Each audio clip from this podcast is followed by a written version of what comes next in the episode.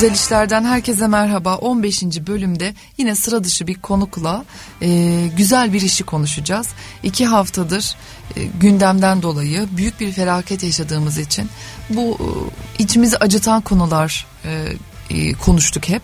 Fakat bugün hakikaten içinize su serpecek bir e, konuyu konuşacağız. Bir konukla birlikteyiz.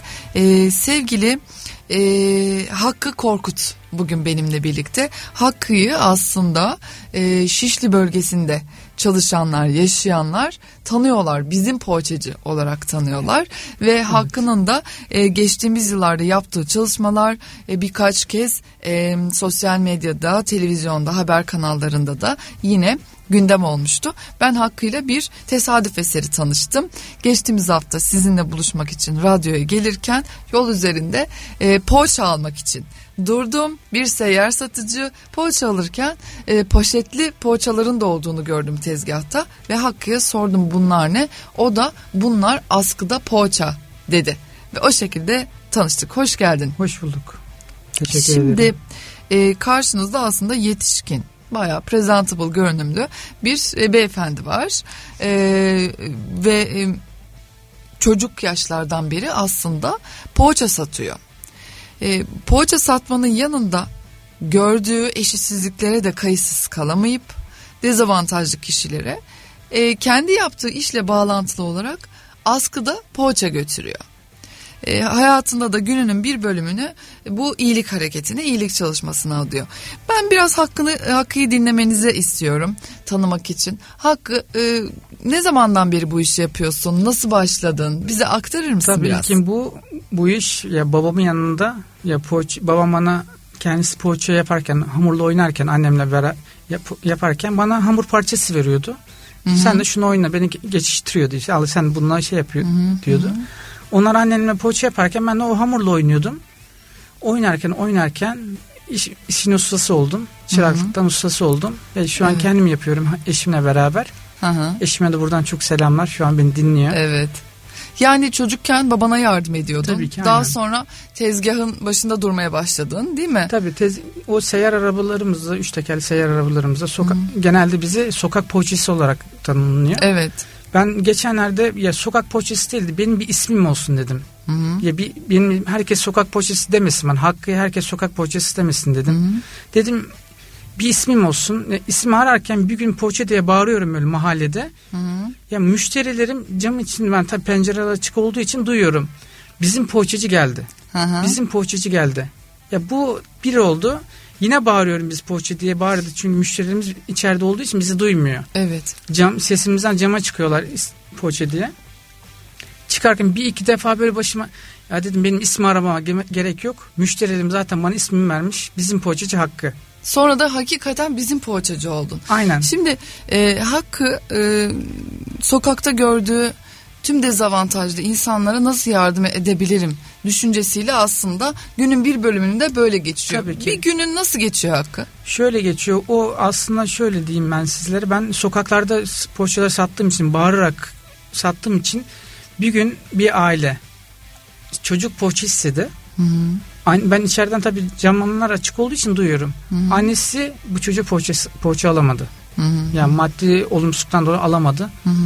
Ya tabii insan o anda insan o şey olarak tabii ki paraya falan düşünmüyorsun. Direkt ben o aile ikram ettim poğaçayı. Hı hı. Ya aile tabii çocuğun annesi biraz mahcup oldu.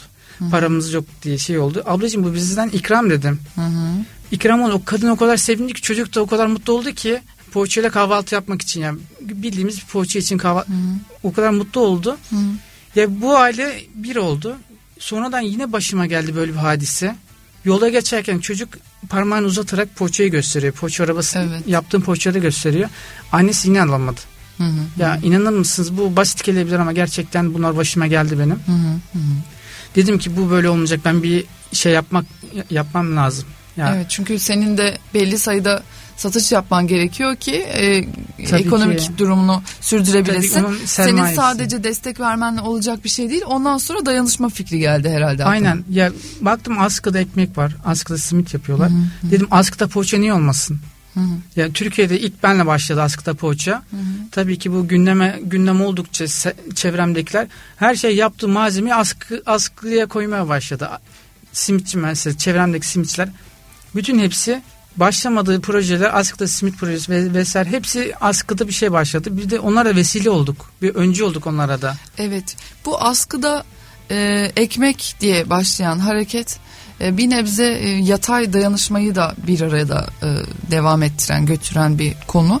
E, aslında biz bunu hayır yapmak, yardım etmek, işte muhtaç birine e, yardımcı olmak gibi değil de dayanışmak, yatay bir şekilde halkın, toplumun, tüm yurttaşların birbiriyle dayanışma içerisinde o, olduğu bir e, faaliyet olarak görmeliyiz. Ben bunu böyle düşünüyorum.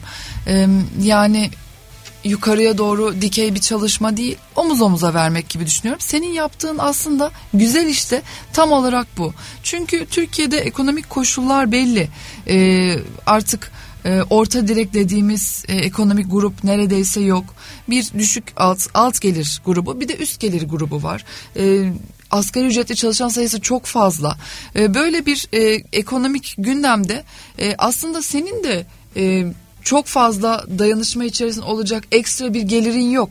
Ama sen kayıtsız kalamadın. Bir e, bilinçli bir yurttaş e, olarak kayıtsız kalamadın ve etrafındaki insanlara da bu dayanışmayı davet etmek için askıda poğaça uygulamasını başlattın. Ben seninle programa başlamadan önce e, biraz ekonomik verilere baktım açıkçası. Çünkü e, Türkiye'nin bu önemli bir konusu artık. Temelde biz askıda e, poğaça, askıda ekmek, askıda simit. Keşke bunları hiç yapmasak değil mi? Keşke evet. sen sokakta senden poğaça alamayan hiç hiçbir çocukla karşılaşmasan. Herkesin yeterliliği bulunsa. Çünkü bunlar temel ihtiyaçlar, lüks değil. E, dolayısıyla bir verilere tekrar bakayım dedim. E, en son e, IMF hesaplamalarına göre Türkiye'nin kişi başına düşen milli gelirdeki sıralaması 2022 yılında e, 81 ve bir e, başka ülkeyle kıyaslandığında da arada o kadar büyük, büyük bir uçurum var ki e, bu e, ilk ondaki en yüksek kişi başına milli gelir sahibi olan ülkelerin hangileri olduğunu muhtemelen tahmin edersin. İrlanda, Norveç, İsviçre, Katar e, 2022 verileri tamamlandığında şu an tamamlanmış olmalı. Bu e, Lüksemburg gibi ülkelerdeki ne kadar büyük e, refah içerisinde yaşandığını görüyoruz. Bir taraftan da bizim ülkemizde e, bu Lüksemburg kıyaslamasını yaptığımızda yani bir e, ortalama kişi başına düşen milli gelirin aslında e, Lüksemburg'un 13'te biri olduğunu görüyoruz. Yani dolayısıyla e, ihtiyaçlar sonsuz artık sonsuz. Bir poğaçacının da gün içerisinde yaşadığı onlarca yüzlerce e, dezavantaj durumu oluyor.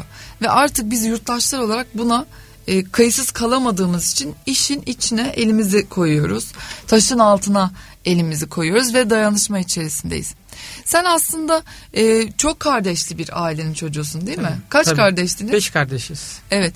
E, yine e, eğitim e, konusu gündemde. Şimdi senin destek verdiğin çocuklar, aileler onlara senin sosyal medya hesabından da baktım, inceledim. Hatta senin aracılığına bir aileyle de tanıştık. E, inşallah biz de elimizden geldiği destek olacağız. E, burada e, eğitim konusu da çok insanın içine burkan bir konu. Tabii. Değil mi? Senin özür dilerim muhtemelen karşılaştığın çocukların birçoğu okula gidemiyor. Gidemiyor aynen öyle. Çünkü sokakta karşılaşıyorsun okul saatinde onlarla değil mi? Tabii. Aynen Nasıl gidemiyor. manzaralar görüyorsun? Yani Tabii. senin sokağın nabzını tutan bir insan olarak burada görüşlerin çok önemli. Tabii. Özellikle ben bu işi proje başlattığımda çünkü iyi kişinin bu iyi şeyini sömüstürenler oluyor, sömürenler oluyor. Ben askıda poğaça başlattım. Kendisi ihtiyaç sahibi değil ama ihtiyaç sahibi gibi gösteriyor. Benden poğaça almaya kalkıyor. Hı hı. Çünkü o askıya poğaça bırakan kişi askıya ihtiyaç sahibi niyetiyle bırakıyor. Ben tabii. de o tabii üstüne borç. Çünkü ben de onun bir ihtiyaç sahibine vermek zorundayım. Geliyorlar ihtiyaç sahibi gibi gösteriyor ama kendisi ihtiyaç sahibi değil. Hı. Tabii ben bu üç senede bu işi yapıyorum. Zaten ihtiyaç sahibi isteyemiyor. Çünkü Kur'an-ı Kerim'de Bakara suresinde 273. ayette geçiyor şöyle. Siz o ihtiyaç sahibi kullarımı diyor hallerinden, simalarından tanırsınız. Onlar isteyemez buyuruyor hı. ayette. Sen, sen onları aslında tanıdığını düşünüyorsun yani. Tabii ki aynen. Onlar beni şey şey yapıyor ama bir Allah dostunun bir sözü vardır. Diyor şüphelendiysen diyor az ver, şüphelenmediysen çok ver. Ben yine başıma geliyor yine poğaça istiyor ama ben şüphelendiğim için çok vermiyorum. Artık deneyimlerimle tespit edebiliyorum, Tabii, hissediyorum diyorsun. Hissediyorum aynen. Peki de- dedim ya aslında şunu sordum. Çocuk daha çok hani ben çocuklara odaklanıyorum. Çünkü yetişkinler bir şekilde hayatın bir yerindeler ama çocuklar hakikaten hem savunmasız hem de hala desteklenebilir, kurtarılabilir, tırnak içinde iyileştirilebilir durumdalar. Sen eğitime gitmeyen, okula gitmeyen çok çocuk görüyorsun Tabii değil ki. mi? Tabii ki. Hatta şöyle aileler görüyorum. Annesi babası inanır mısınız okuma yazma bilmiyor. Evet. Okuma yazma bilmiyor. Okuma yazma bilmedi. Oğul çocuklarına kızlarına bir dönem götürüyor. ikinci dönem okula yollamıyor. Ya sebeplerini Evet. soruyorsun. Ya şu sebepten dolayı hep bir bahaneler uyduruyorlar ama kendi çalışıyor. Maddi durumunuz yok.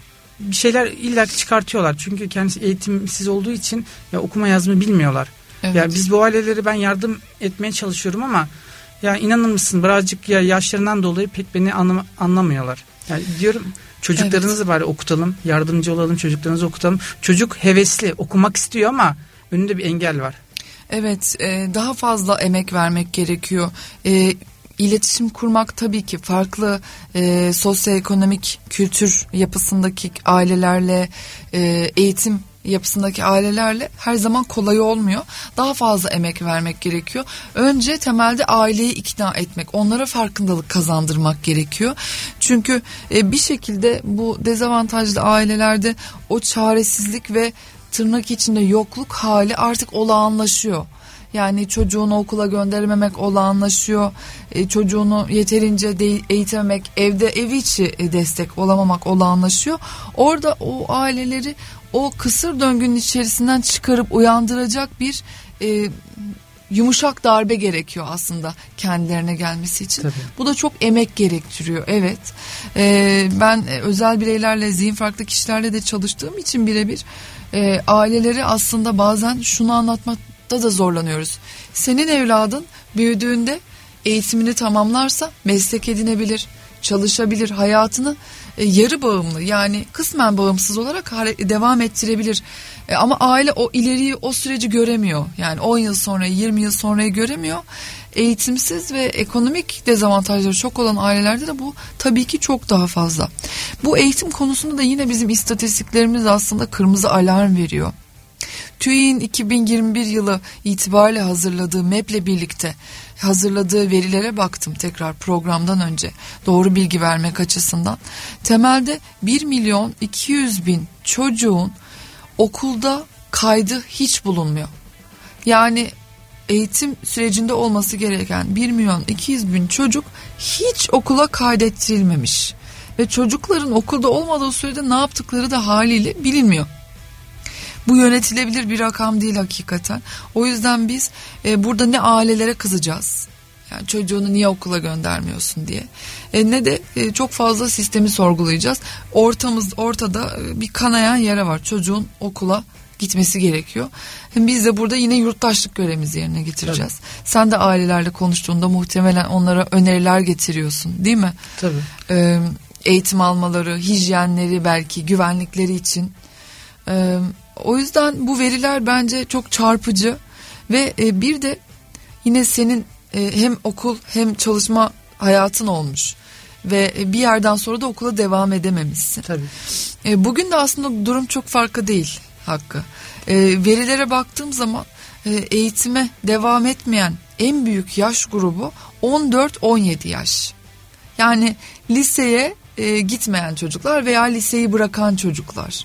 Dolayısıyla e, bir 10 yıl sonra senin eğitim hayatını bıraktığın zamandan sonra bir 10 yıl 15 yıl geçti ama hala rakamlar e, aynı kırmızı alarmı veriyor. Bunları da burada e, ifade etmek istedim. Çünkü biz konuşurken ekonomik dezavantajlardan, iyilik çalışmalarından, bağıştan, yardımseverlikten karşımıza hep bu çıkıyor. Eğitimini sürdürmeyen kişilerin daha sonra hayat boyu desteklenmesi gerekiyor. Ama sen çok iyi bir örneksin. Çünkü aynı zamanda bir babasın. Tabii aynen. Ya bunu tabii ailelere biz çocuklarınızı okula yollayın dedim. Biz, biz hep mazeretler çıkartıyorlar. Diyor çantası yok, ayakkabısı yok, pantolonu yok. İnanır mısın geçen sene 50 50 hemen hemen 50 diyelim 50 tane çocuğun kıyafetiydi, okul çantası hepsini sağ olsun takipçilerim sağ olsun yurt şeyde sosyal medyada paylaşarak oradan yardım geldi. Hı. Sağ olsun sosyal medyadan gelen yardımla çocukların çantasını aldık. Her şeyini aldık. Ama aldıktan sonra bir gördüm ki çocukları yine yollamadılar. Ya takip etmek gerekiyor. Takip edin. İşte burada da bir taraftan da şöyle bir açmazla karşılaşıyoruz. Biz e, ben bunu da diğer programlarımda da ara ara söylüyorum. Maalesef e, dernek ve vakıflara çok güvenmiyoruz toplum olarak. E, ve düzenli bağış da yapan kişi sayısı ülkede çok az. Çok düzenli bağış az olduğu zaman şöyle oluyor. Sen bireysel iyi niyetinle evet çocukların temel ihtiyaçlarını karşılayabiliyorsun, götürüyorsun, teslim ediyorsun ve onların o an hayatlarını iyileştiriyorsun. Ama bir dernek, bir vakıf kurumsal kimliği nedeniyle takip yapabiliyor veya diğer destekleri de verebiliyor. E, çocukların eğitim hayatlarında onlara mentörlük ediyor. Keşke biz toplum olarak evet iyi insanları destekleyip iyiliği güçlendirmek için sokaktaki ele de kuvvet verirken bir taraftan da dernek vakıflara da sürdürülebilir destek versek yani düzenli bağış yapsak. O zaman çünkü senin çözemediğin o an müdahil olamadığın konuda mutlaka dernek ve vakıflar iyileştirme çalışması yapacaklar. Ee, ben biraz burada filantropi kavramından bahsedeceğim. Sen de muhtemelen ilk kez duyuyorsun filantropiyi evet. değil mi? Ama sen filantropinin içindesin. Sivil toplum insanları bu kavramı biliyor. 10 yıldır konuştuğumuz bir konu bu bizim. Filantropi aslında e, stratejik bağış demek. Yani e, işte mitolojik kökenleri de olan bir kavram. Biz Türkiye'de daha çok e, yardım, bağış deyince birine özellikle de ekonomik ihtiyaç sahibi bir, birine, bir kişiye para vermek veya onun e, aynı ihtiyacını karşılamak olarak anlardık. Senelerce bu böyleydi. Hayırseverlik. Ama artık biz filantropiden şunu anlıyoruz. E, tüm uzmanlıkların ve yeteneklerinle tırnak içinde bağış yapabilirsin. Yani İngilizce biliyorsundur ve eğitim hayatında İngilizce öğrenmek isteyen bir çocuğa İngilizce öğretirsin. Bu da aslında bir bağıştır. Veya e, maddi olarak destek veremezsin, özel bir yeteneğin yoktur, müzik aleti çalmıyorsun, yabancı dil bilmiyorsun ama vaktin vardır. Şu an vakit çok kıymetli bir şey. Mesela senin de her saatin dolu değil mi? Ee, hamur e, yoğurduğun saatlerin var, satış yaptığın saatler var. Aslında bir evde bakıma muhtaç bir kişinin e, ihtiyaçlarını bir saat ayırarak çözmek de bir bağış. İşte filantropi aslında tüm iyilik e, yanlarını içinde barındıran bir kavram. Senin de filantropideki rolün bence çok kıymetli. E, bu yaptığın çalışmayı bence herkes örnek almalı. Çünkü ben sokakta poğaçamı satarım. kazanmam gereken rakamı da kazanırım. Poğaçamı bitiririm. Ondan sonra eve giderim, yasarım ya da işte bir, bir yere oturur bir çay kahve içerim demeyip aslında günün sonunda iyilik yapmaya çalışıyorsun. Tabii aynen. Peki buradaki motivasyonun nedir? Bunu yaparken veya yaptıktan sonra sürdürebilmeni sağlayan şey ne? İnanır mısınız? Hatta ben bunları ya görüntülüyorum. Ya videosunu çekiyorum. En büyük destek o. Çocukların beni görünce üstüme doğru koşmaları. Hı hı. Üzerime doğru çocuklar koşuyor. Çünkü mutlu oluyorlar kahvaltı İnanır mısınız ne ailelerle karşılaşıyorum. Akşam yedirdiğini sabah yediren anneler babalar var. Çünkü yok. Benim zaten bu işte en çok değindiğim şey ağırlık verdim. Engelliler, engelli çocuklar hı hı. ve öksüz yetim çocuklar. Hı hı. Ağırlıklı bunlara ben poğaça götürüyorum, kahvaltı götürüyorum. Hı hı. Bir de çok aileler yani bir aileye gittiğimde soruyorum kaç çocuğunuz var? 6 6 tane çocuğum var diyor. Ya bu annesi bunları tabii inanır mısınız poğaçalamıyor. Ve bu aileler aslında e, radyonun bulunduğu semte çok yakın oturan aileler değil mi? Sen yürüyüş mesafesindeki ailelerle Yok, muhatapsın. Bu dediğim ihtiyaç sahibi aileler şu an Beyoğlu çevresinde. Beyoğlu çevresi. Tabii. Ya affedersiniz belediyenin girmedi sokaklarda. Çünkü orada hmm. kiralar düşük olduğu için. Hmm. Yani millet arabanın girmedi, motosikletin girmedi yerlerde oturuyorlar. Çok şeyler, Yolu olmayan. Tabii aynen. Çünkü öyle yerlerde kiralı ucuz olduğu için oralara geliyor, geliyorlar. Yani derin yoksulluğun ve e, tüm eşitsizliklerin var olduğu e, mekanlar. Ben şu sebepten söyledim hani bu semt mi diye. Çünkü bunu da ara ara soruyorum ve hep e, bahsetmeye çalışıyorum. Kaç tane İstanbul var? O kadar çok İstanbul var ki hepimiz kendi güvenli alanlarımızdayız. Kendi sosyoekonomik yapımıza uygun bir bölgede yaşıyoruz O bölgenin insanlarıyla muhatapız. O bölgenin esnafıyla muhatapız. O hayatımızı o bölgede sürdürüyoruz. O alanın dışına çıktığımızda da sadece işimizi görüp dönüyoruz. Tabii. O yüzden aslında her e, bu e, yapıdaki grubun, ailenin, kişinin kendi İstanbul'u var. Son kertede geldiğimizde bence çok İstanbul'u var. Eşitsizliklerin bu bahsettiğimiz, konuştuğumuz seviyede olduğu büyük bir İstanbul var. Ama aslında e, bugün bulunduğumuz semt eğer İstanbul'sa orası neresi diye soruyoruz değil mi? 2022-2023 yılında kapı numarası olmayan, kapısı olmayan Aynen öyle. Evlerde yaşıyor tabii ki. aileler. Ben paylaşıyorum. O görüntüleri tabii ailelerin nerede oturduğunu çekiyorum. Burası neresi diyorlar. Ya ben de orada oturuyorum diyor. Müşt ya inanır mısınız? Kapısının dibinde ihtiyaç sahibi var. Ama bilmiyor. Evet. Bilmiyor bana gösterin şu, şu semtte ben de orada oturuyorum diyor. Senelerdir orada oturuyorum ama o gözle bakmıyorlar.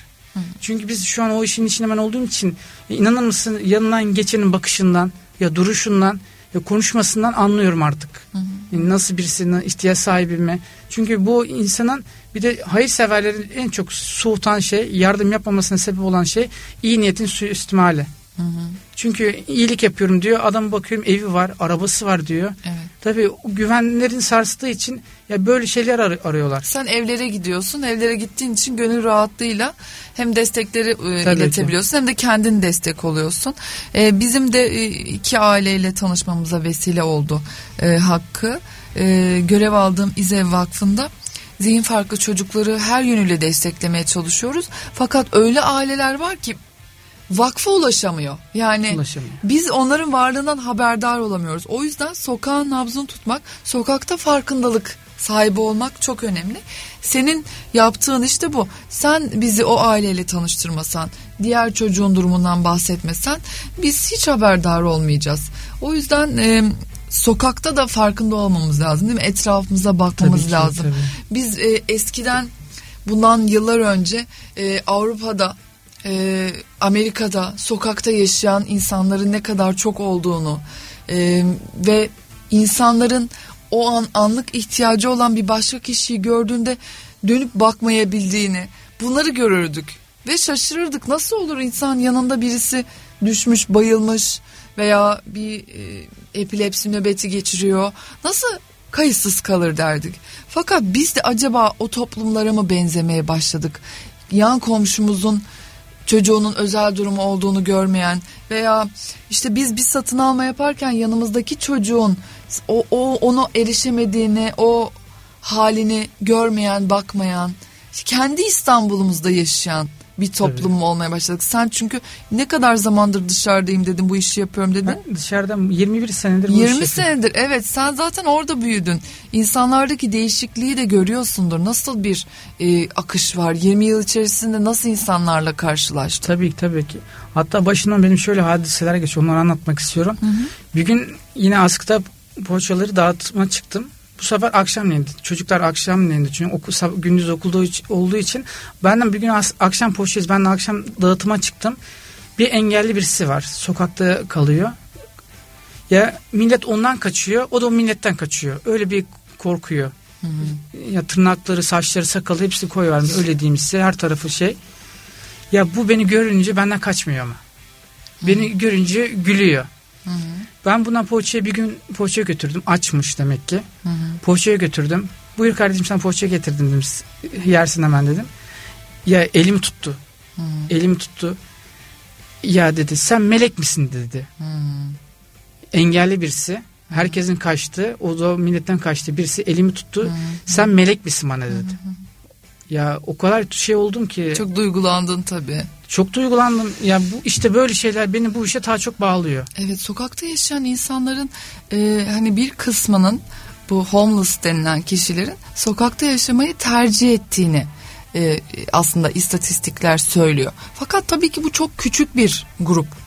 Diğer büyük grup dezavantajları nedeniyle aslında dışlanıp bir süre sonra oraya itilen orada yaşamak zorunda kalan ve orada yaşadıkça da başka bir yerde barınamayacak hale gelen böyle bir kısır döngünün içindeki kişiler. E işte Büyükşehir Belediyesi'nin aslında e, bu bireylere destek olduğu çok fazla çalışması var ama bir aracı gerekiyor. Bak baştan beri aslında biz hep buraya geliyoruz değil mi? Tabii. O ailenin o çocuğu okula gönderebilmesi için birinin o aileyi motive etmesi gerekiyor. Belki o sokakta yaşayan kişi evet bir evde barınabilecek ama senin gibi birinin bak gel böyle de bir imkan var böyle bir dernek var böyle bir e, işte belediyenin destek çalışması var. Bakanlığın böyle bir hizmeti var demesi gerekiyor. Buna da aslında biz mentörlük diyoruz. Bu mentörlüğü de yapmamız gerek. Kayıtsız kalmamamız gerek. Aslında bunlara balık yemeye değil balık tutmayı öğretmemiz lazım. Evet. Tabii evet. ben hatta böyle bir ihtiyaç sahibi vardı. Yet, annesi babası ölüyor üst üste. Hı. Ya çocuk psikolojikmen dağıldı. Ben bunu yanına hem poğaça sabahları kahvaltısına poğaça götür küçük. Ya yaşı 18'in 18 19 yaş ama annesi babası öldüğü için psikolojik çok etkilenmiş. Evet. Birazcık da kendisinin engelli engelli durumu var. Hem zihinsel fiziksel engelliği var. Tabii öyle annesi babası ölünce tek başına kaldı bu kardeşimiz. Ben bu kardeşimize poğaça yapmayı öğrettim. Hmm, harika. Yanıma aldım. Poğaça öğretmesi yapmayı öğrettim. Bayağı da dükkanındaki ufak tefek işleri ona ona yaptırdım. O kadar şey oldu ki böyle sevindi. Evet. Özgüveni geldi böyle evet, kendisine. Tabii, tabii. Özgüveni gelince bu sefer ben bana bakışı daha çok şey oldu. Ya abisi de var ama abisi ilgilenmiyor. Hmm. Yani çok ilgilenmiyor. Bana abi gözüyle bakıyor. Tabii. Abi abi ne yapıyorsun abi? Dün dün mesela beni şeyde gördü, pazarda gördü kendisi. Ya abi dur hemen. Hem muhabbet sohbet hemen beni sevdiği için hı tabii o şeyler ona da yardım götürüyorum. O kadar sev, mutlu oldu ki hı ona tabii hayattan küstüğü için ben ona özgüven aşılamaya çalışıyorum. Evet ne kadar çok aslında e, farklı konularda destek olmaya çalışıyoruz. İşte biz buna filantropi diyoruz. Sen moral ve motivasyon kazandırmaya çalışıyorsun. E, meslek edindirmeye çalışmışsın. E, biz aslında bu fedakarlığı herkesten bekleyelim. Yani bugünkü çağrımız bence bu olsun. E, toplumun e, başını çevirmemesi gerektiği konular var. Yüzleşmemiz gereken şeyler var bizim. E, eleştirmek çok kolay eleştirmek. Çok Herkese kolay, evet. eleştirebiliriz biz. Siyasi iktidarı eleştiririz. Ailelerdeki cehaleti eleştiririz. Kültür farklılıklarını eleştiririz. İşte göç politikalarını eleştiririz. Ama bu bizim şu anki güncel durumumuzu çözmüyor. Çözüm üretmemiz lazım. Çözüm üretirken de hep birilerinden bekliyoruz. Ya işte şu iktidar yapsın. Şu uzmanlar yapsın. Hayır, hayır. Bu e, işte ekonomik e, grup destek versin. Evet Bunlar da olsun ama biz de bireysel olarak yurttaş olarak e, görelim ve e, müdahale e, edelim, destek verelim. Senin yapıp ettiğinde bu. Bana en çok şu eleştiri yapıyorlar. Sen niye bu iş yapıyorsun diyorlar ya. İnanır mısınız bana? Ha evet sokağın nabzını tutmak dediğim buydu. Sen olumlu örnekler verdin hep. Yani destek veren, sosyal medyada görüp ha ben de bir e, yardımcı olayım diyen veya poğaça alırken askıya bırakan insanlardan bahsettin. Tabii. Peki e, destek vermek yerine seni eleştirenlerin eleştirileri ne yönde oluyor? Efendim ne oluyor? Ben en çok ya, bazen ağladığım oluyor inanır mısınız ya? Çok ağlı saldırıya uğradığım oldu hatta bu konularda da saldırıya hmm. uğradığım oldu. Ya sen niye bu iş yapıyorsun? Ya yakında şöyle baktım bu işi beni eleştirenlere bir baktım inanır mısınız yardım işiyle alakası olmayan kişiler. Yardım yapmayı bilmeyen kişiler. Genellikle yap, yapmadığı için eleştiriyor. Yani sosyal medya üzerinden mi eleştiriyor? Hem sosyal medyadan eleştiriyorlar. Sosyal medyadan genellikle şey yapıyorlar. Niye göstererek yapıyorsun? Hı hı. Ya benim yardımım değil ki. Benim ben mesela geçen cuma bir yardım yaptım. Sen onu gördün mü? Görmedin. Ben Ahmet'in Mehmet'in yardımını götürüyorum. Onun ben bir aracıyım, bir köprüyüm. İşte postacı size şey getiriyor, zarfı getiriyor onun görevi ne? O benim de bir zarf değil poğaça götürerek bir görevimi yerine getiriyorum. Aslında şöyle e, özellikle çocukların e, bu konuda biraz sakınılması gerekiyor. E, kişisel bilgilerin paylaşılmaması gerekiyor. Aileden izin almak gerekiyor. Benim sana burada bir sivil toplum uzmanı olarak ben de aynı fikirdeyim. Ben de aynı konuda seni eleştiririm. Ama şöyle bir çözüm önerebilirim sana. E, aileden en azından bu konuda bir onay alıp onay aldıktan sonra çocukları da çok fazla yakın plan göstermeden onların hani belki okula gittiğinde bir arkadaşının onu tanımasını e, bu konudaki hassasiyetini hani gözeterek e, davranmak lazım. Tabii. Benim sana e, acizane önerim bu olur. Çocuklar konusunda daha hassasız ve ailelerden onay alalım. Tabii ki ben bu ya zaten ailenin annesinin babasının onayını alaraktan Hı-hı. şey yapıyorum. Hı-hı. Diyorum şöyle yapabilir miyim? Çünkü ailenin dram içinde. Ya ben tamam sabahleyin kahvaltısını karnı sabah kahvaltısını benim verdiğim poğaçayla karnını doyuruyor. Evet. Ama bunun öğle yemeği var, akşam yemeği var. Ya o görüntüyü görmeyince şimdiki insanlar yardım yapmıyor. Evet biz burada birazcık da destek verenleri eleştirebiliriz değil mi? Sen de yani. karşı bir eleştiri geliştirdin. Yani ee, ben e, destek verdiğim çocukları, aileleri paylaşmazsam görmezse görmezlerse destek vermiyorlar diyorsun. Tabii dün mesela bir mesaj geldi. Ya inanır mısınız ya ters bir şey yazacaktım yazmak istemedim ya. Tamam Allah razı olsun asker poğaça bıraktığınızda kardeşim. Ya asker poğaça bırakıyor. Ben çocuklara poğaça verirken bana bir dizi yazı yazıyor. Bu poğaça verirken şu cümleleri söyler misin? Oo video istiyor. Video istiyor benden. Beni evet. burada kullanıyor. Evet. Ya bu dedim kalbini kırmak istemiyor. Sonuç bir hayır yapmış ya kalbini kırmak istemiyor. Kardeşim zor karşı kişi rencide oluyor diyorum. Ama bazen anlatamıyorsun. O evet. zaman da şey yapıyor işte yardım yapmıyor. Ben yardım muhtaç değilim ama ya böyle demeleri çok Evet bence diyor. onları reddedebilirsin. Ya bence de aynı. Hanım evet. eşim de öyle diyor evet, bana. Evet. Doğru diyor. Kadınlar bu konuda birazcık daha hassas olabilir. Ee, onları göstermemiz. Peki Hakkı. Birazdan programı kapatıyoruz.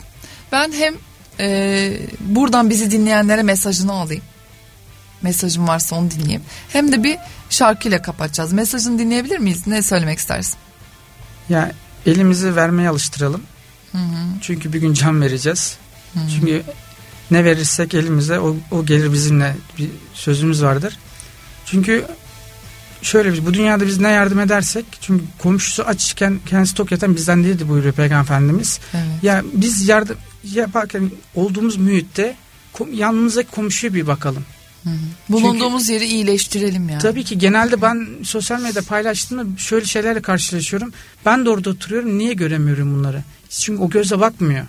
Evet o zaman sen diyorsun ki yani herkes lütfen bulunduğu yaşadığı yaşam alanına birazcık daha dikkatli baksın. Tabii. Eşitsizlikleri görsün ve elinden mutlaka e, gelen bir şey vardır. İlla ki gelen ya ayakkabısı yoktur çocuğunu alamıyordur evet. ya kahvaltısında bir şey alamıyor ya akşam yemeğine ya vesaire illa ki bir şey vardır ki alamıyordur. Peki ben de sana çok teşekkür ediyorum. Sağ olun. Çok Aslında güzel. bir poğaça e, satıcısının bir seyyar satıcının bir iyilik hareketi başlatabileceğini kendi kişisel farkındalığıyla etraftaki birçok dezavantajlı kişi aileye dokunabileceğini burada bu 30 dakikalık kısa zaman diliminde görmüş olduk. İnşallah bulaşır. İnşallah. İyiliği bulaştırırız. Bu haftanın güzel işi de askıda hayattı aslında. Askıdaki hayatlarımızdı. E, sadece poğaça değil ve Hakkı Korkut'u da sokağın nabzını dinlemek için e, ağırladık. Peki Çok kapatıyoruz. Ben de çok teşekkür ediyorum.